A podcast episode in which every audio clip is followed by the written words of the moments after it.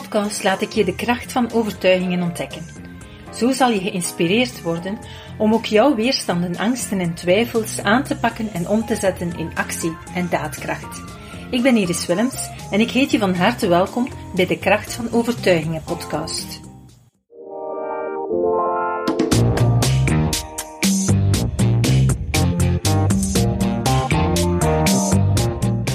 Vandaag in deze podcast gaan we het hebben over het idee ontspannen is gevaarlijk. Ik ben intussen halfweg met de challenge, eh, een 22 dagen challenge die ik naar aanleiding van mijn verjaardag eh, heb gelanceerd, eerste keer. Het is een, eh, een super toffe ervaring, super interessant, want er komen heel veel verschillende cases aan bod.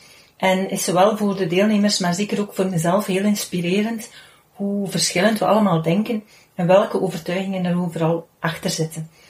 En een onderdeeltje daarvan wil ik vandaag met jullie bespreken en dat gaat dus over de ontspanning. Want heel veel mensen hebben weerstand tegen ontspanning. We zijn heel vaak zo opgevoed dat, um, ja, dat we de ouders heel vaak hebben heel hard zien werken. Dat als we zelf even tijd namen om, om te niksen, om in de zetel te zitten, dat we daardoor onder ons voeten kregen. Dat er gezegd werd van, heb jij niet anders te doen, maak je een keer nuttig en dergelijke. En al die ervaringen uit het verleden, die zitten ergens in ons brein, die hebben daar overtuigingen gecreëerd, um, die hebben connecties in uw brein gemaakt, associaties gecreëerd, waarbij dat je, als je nog maar begint te denken van, oké, ik ga even zitten, ik ga een boekje lezen, of wat dan ook, dan komen er allerlei weerstanden, bewust of onbewust, naar boven. En heel vaak staan we daar effectief niet bij stil. we, we vinden altijd wel een excuus dat we geen tijd hebben om te ontspannen.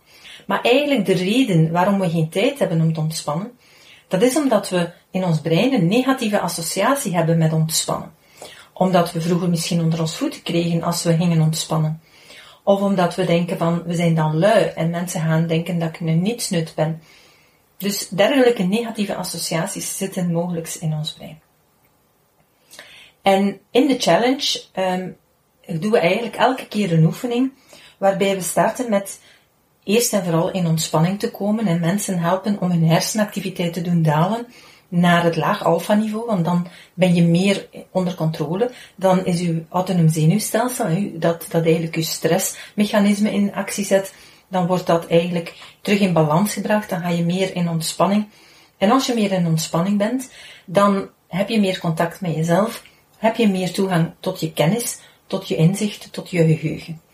En in die oefening stel ik de mensen dan elke keer bij zichzelf verschillende vragen. Vragen om even stil te staan bij bepaalde thema's. En een van die thema's was recent dus ontspanning. En na de oefening vroeg ik dan uh, aan verschillende mensen van, kijk, wat, welke inzichten heb je gekregen? En ik wil er een, eh, een drietal met jullie delen die daaruit gekomen zijn, die ik zelf eigenlijk ook wel, wel dacht van, ah, Jen, dat is wel, wel speciaal. Um, en een eerste was iemand die zich herinnert uh, in de oefening dat haar vader wel tijd nam voor ontspanning, maar wat te veel. Die sliep s morgens, die was zelfstandig, die had een ploeg uh, waarmee hij werkte en hij zelf sliep heel lang uit. Hij ging, begon dus later te werken. Hij stopte s middags om uitgebreid op zijn gemakje te eten, in de namiddag een dutje te doen en dan stopte hij om vijf uur samen met de andere mannen. Um, maar als, met als gevolg dat geleidelijk aan dat dat uh, fataal afliep en dat hij dus in financiële moeilijkheden kwam en failliet ging.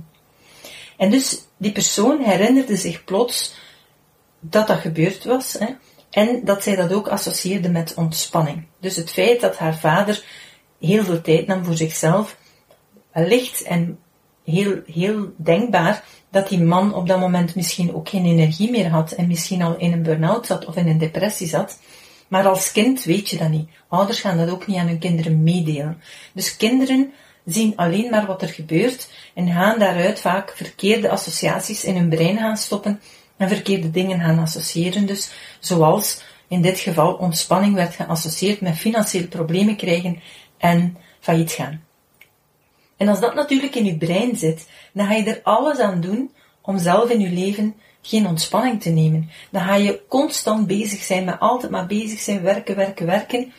Want je bent bang dat je ook wel eens in financiële moeilijkheden zou kunnen komen.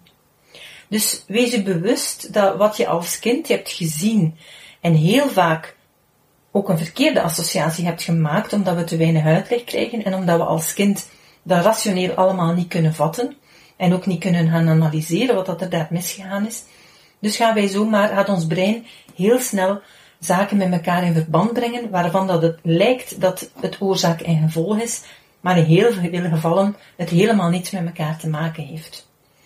En dus hier was ook zo'n overtuiging onbewust ontstaan van, ja, ontspannen is gevaarlijk, want je gaat mogelijk failliet. Dus in dit geval heb ik ook aangeraden van, kijk, er zijn verschillende overtuigingen waar je kan uh, en best zou aan werken. Onder andere, ik kan zelf de tijd kiezen die ik besteed aan ontspanning. En ook, ontspanning geeft me nieuwe energie en dus zal ik nadien beter presteren. En ook, ik kan anders omgaan met ontspanning dan mijn vader in dit geval. En misschien is dat bij jou iemand anders. Dan vervang je dat natuurlijk. Maar ik kan beter of anders omgaan met ontspanning dan mijn vader. Een andere case is een uh, persoon die vertelt dat hij uh, de partner die had eigenlijk bewust een stukje in zijn carrière uh, een beetje een stapje opzij gezet om de, om de andere partner dus, de, de, de vrouw, te laten carrière maken. En de vrouw voelde zich daar onbewust schuldig in en kwam dus, als zij thuis kwam, voelde ze zich verplicht om op dat moment alles thuis over te nemen en de man tijd te gunnen om zich te ontspannen. En ook dat is natuurlijk niet goed, want dan krijg je iemand die overdag al volledig in zijn carrière 100% bezig is en dan thuis uit schuldgevoel nog eens alles overneemt van de andere partner. Um, dan schiet er helemaal niets meer over. Dan, dan ben je constant ook weer bezig. En dan doe je dat vanuit een schuldgevoel. Ook dat is natuurlijk niet goed, want zeker schuldgevoelens zijn een slechte drijfveer. Dus het is belangrijk om daar ook aan te werken. En een paar overtuigingen die daarbij zouden kunnen helpen zijn bijvoorbeeld, ik ben het waard om tijd te nemen voor mezelf en die te verdelen met mijn partner. Het is ten gunste van onze relatie als we allebei tijd nemen voor onszelf. En ook, het is ten gunste van onze relatie als we alle twee ontspannen. Dus je ziet de insteek van waaruit dat je weerstand hebt tegen ontspanning is vaak heel anders. En dat is heel belangrijk om daar even bij stil te staan van waarom neem ik geen ontspanning? Waarom heb ik altijd weer excuses dat ik van alles en nog wat moet doen? Wees u bewust, het zijn excuses. Um, het zijn zaken die je rationeel verzint, waarbij dat je ja, het belangrijk vindt om alle andere dingen voor te nemen, behalve je eigen tijd voor jezelf of je eigen ontspanningstijd. En je geeft er een rationele invulling aan die helemaal niet klopt met wat er in jouw brein zit. Maar dat doe je eigenlijk om het te verdoezelen, om voor jezelf ja, een, een, een logische, aanvaardbare uitleg te verzinnen. Een andere case is een uh, persoon die eigenlijk zich herinnerde dat enerzijds haar vader heel doelgericht was, um, ook zijn resultaten haalde, dus echt iemand van aanpakken. En haar moeder was iemand die ook wel, ze werkte ook en ze pakte ook wel de dingen aan, maar ze had veel meer last van uitstelgedrag. En um, ja, ze ging dan eigenlijk een stukje vluchten in tv kijken en, en, en dergelijke zaken, allerlei zaken doen, um, die zij als kind hè, zag bij haar moeder en die, waarvan dat ze vaststelde van ja, die komt dan niet tot resultaten, want die neemt tijd voor haarzelf, maar die stelt uit. En door dat verhaal zag ik van, hier zit ontspanning gekoppeld met uitstelgedrag. Want ontspanning is geen uitstelgedrag. Maar in haar hoofd, in haar beleving, had zij dat geassocieerd met wat haar moeder deed. Moeder nam wel ontspanning, maar ze deed daardoor niet wat ze moest doen, of ze stelde taken uit die ze zou moeten doen. En de persoon in kwestie zelf, die zei ook van, ik heb van beide een stukje. Ik heb enerzijds het doelgerichte van mijn vader, maar ik heb ook het uitstelgedrag van mijn moeder. En dat komt met elkaar dikwijls in conflict, want dan ben ik zomaar wel wat bijvoorbeeld naar tv aan het kijken, dan voel ik mij eigenlijk wel weer schuldig, want dan denk ik, ja, ik zou beter voortdoen, want dan ga ik nooit mijn doelen gaan bereiken of mijn resultaten bereiken. Dus hier heb ik eigenlijk als suggestie gegeven, prent overtuigingen in, zoals ontspanning is energie opbouwen en geen afleiding. Ontspanning is energie opbouwen en geen uitstelgedrag. En als ik uitstelgedrag voel, dan kom ik meteen in actie. En natuurlijk, dat geldt voor alle cases, hebben we ook nog heel wat andere overtuigingen ingepland, waarvan ik er nu een aantal nog um, ter inspiratie ga, ga meegeven, die voor heel veel mensen van toepassing zijn. Dat is gewoon al simpel bij jezelf inprenten, ik kan en mag mezelf ontspannen. Heel vaak als je daar al mee begint, ik kan en mag mezelf ontspannen, ga je de weerstand voelen. Als je dat bij jezelf zegt, dan ga je allerlei associaties krijgen waarom je het niet mag. Heel vaak ga je dan beginnen ook terugdenken aan bepaalde dingen uit het verleden, hoe vader of moeder of andere belangrijke mensen daarmee omgingen. En dat kan je dan weer inzicht geven in andere overtuigingen die je hebt. Het is veilig om te ontspannen. Hè. Dat hebben we hier in de verschillende cases gehoord. Veel mensen associëren ontspannen met een onveilig gevoel of een onveilige situatie. Ofwel kan je onder je voeten krijgen, ofwel kan je failliet gaan, ofwel ga je dingen uitstellen en kom je niet tot resultaten. Dat zijn heel vaak onbewuste associaties die we ermee hebben. Dus het is veilig om te ontspannen, ga je moeten inprenten in jouw onderbewustzijn. En anderen vinden het oké als ik ontspan. Ook hier hebben we in de case waarbij dat uh, de dame het zich schuldig voelde omdat de man te, ja, eigenlijk de carrière mogelijk maakte, um, voelde zij zich schuldig. En dus eigenlijk, ik mag ontspannen, of anderen vinden het oké als ik ontspan, uh, is een heel belangrijke. Oké, ik mag mezelf ontspannen, ook al heb ik nog werk. En als je dan weer twijfelt, hè, dus hebben we de voorgaande gehad van ontspannen is energie opbouwen en nadien ga ik veel beter functioneren. Een andere overtuiging die je zou kunnen gaan uh, en die je zeker ook gaat helpen, dat is als ik ontspan, krijg ik meer zelfcontrole. Want sommige mensen kunnen niet tot ontspanning komen, omdat achterliggend zit er een onbewuste angst om de controle te verliezen. Er zijn mensen die heel graag alles onder controle houden, vaak ook perfectionistisch zijn. En zij komen moeilijk tot ontspanning uit schrik van de controle te verliezen. Maar doordat je gaat ontspannen, gaat je hersenactiviteit zakken. Kom je meer uit stress, ga je dus meer in zelfcontrole. En dan kan je veel meer zowel over je gedachten als over je gevoelens controle krijgen. En over je totale situatie. Dus ontspannen, als ik ontspan, dan krijg ik meer zelfcontrole, is super belangrijk voor wie zich daarin herkent. En een aantal aanverwanten zijn bijvoorbeeld, ik mag controle loslaten. Het is veilig om controle los te laten. En hoe meer controle ik loslaat, hoe meer controle ik krijg over mezelf. want als je de controle kan loslaten, ga je ontspannen. En als je ontspant, krijg je controle over jezelf. Zo, ik hoop u met al deze overtuigingen te hebben geïnspireerd. En hopelijk ga je ermee aan de slag. Als je, uh, net als de vele mensen die ingeschreven hebben op de challenge, alsnog wil starten, het kan nog. De live sessies die zijn wel al lopend um, en tegen dat je het hoort misschien ook al naar zijn einde aan het gaan. Maar dat is geen enkel obstakel, want alle sessies zijn opgenomen. En dan kan je alle cases worden live toegelicht, maar op, in opname dan natuurlijk. En je krijgt daar onbeperkt toegang toe. Het zijn 22 dagen, heel intensief rond heel veel verschillende situaties. Echt een, um, ik ben, ben zelf heel tevreden over de evolutie en hoe, hoe krachtig het eigenlijk allemaal is.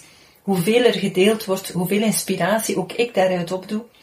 En ik kan alleen maar aanbevelen van als je voelt van oké, ik loop vast en ik zit in patronen vast, ik um, doe niet de dingen die ik zou willen doen, ga aan de slag.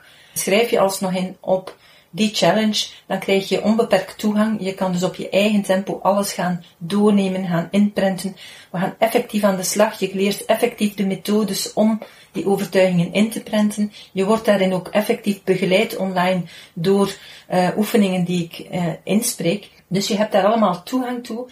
En normaal was het voorzien van 22 dagen uh, een uur.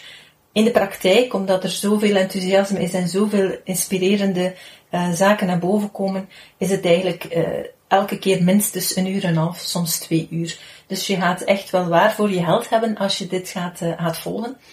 Um, dus ik kan u alleen maar aanmoedigen, ga ermee aan de slag, want weten is niet doen. En het is niet omdat je weet dat je mag ontspannen, dat het in jouw onderbewustzijn zit. En dat je ook het vanzelf gaat doen. Dus daarvoor ga je echt aan de slag moeten gaan met het herconditioneren, het herprogrammeren van je brein. Dat kan je perfect doen. Dat duurt ook niet lang. Um, met de methodes die we leren kan je een overtuiging in, in een paar seconden tot 1 à 2 minuten naar gelang de weerstand gaan inprenten. En daarmee oefenen we echt concreet via dat programma. Dus wil je ermee aan de slag gaan, ga naar prana.be schuine streep verjaardag en bestel alsnog de 22 dagen challenge en je kan daar gerust 22 weken van maken. Je volgt je eigen tempo, je hebt altijd onbeperkt 24 uur op 7 dagen heb je toegang en kan je op je eigen tempo alles gaan oefenen, beluisteren en herbeluisteren. Ik hoop dat je aan deze podcast wat hebt gehad en tot in een volgende podcast. Dag! Super tof dat je hebt geluisterd naar de Prana Mental Excellence podcast. Ik hoop dat je het waardevol vond en dat je er inzichten uit hebt kunnen halen voor jezelf en voor je eigen business. Vond je het een waardevolle podcast, dan zouden we het heel erg waarderen als je dit zou willen delen. Enerzijds door dit te delen via je eigen Instagram of LinkedIn. Maar wat we nog meer zouden waarderen als je tijd en moeite zou willen nemen om ons een review achter te laten. Werk je met een Apple-telefoon, dan kan je dat doen binnen je eigen podcast-app door daar een review te geven. Geef ons een x aantal sterren met daarbij een korte motivatie wat je van onze podcast vindt. En werk je met een Android-telefoon, dan zie je dat de meeste apps geen review-mogelijkheid hebben. Wat we dan heel erg zouden waarderen, is als je op Google Prana Mental Excellence zou willen intypen en vervolgens via de Google Review sectie iets zou willen vertellen over Prana, wat je van ons vindt en wat je aan onze podcast hebt gehad. Alvast heel erg bedankt. Ik hoop dat je er volgende week weer bij bent bij onze volgende aflevering van de Kracht van Overtuigingen podcast.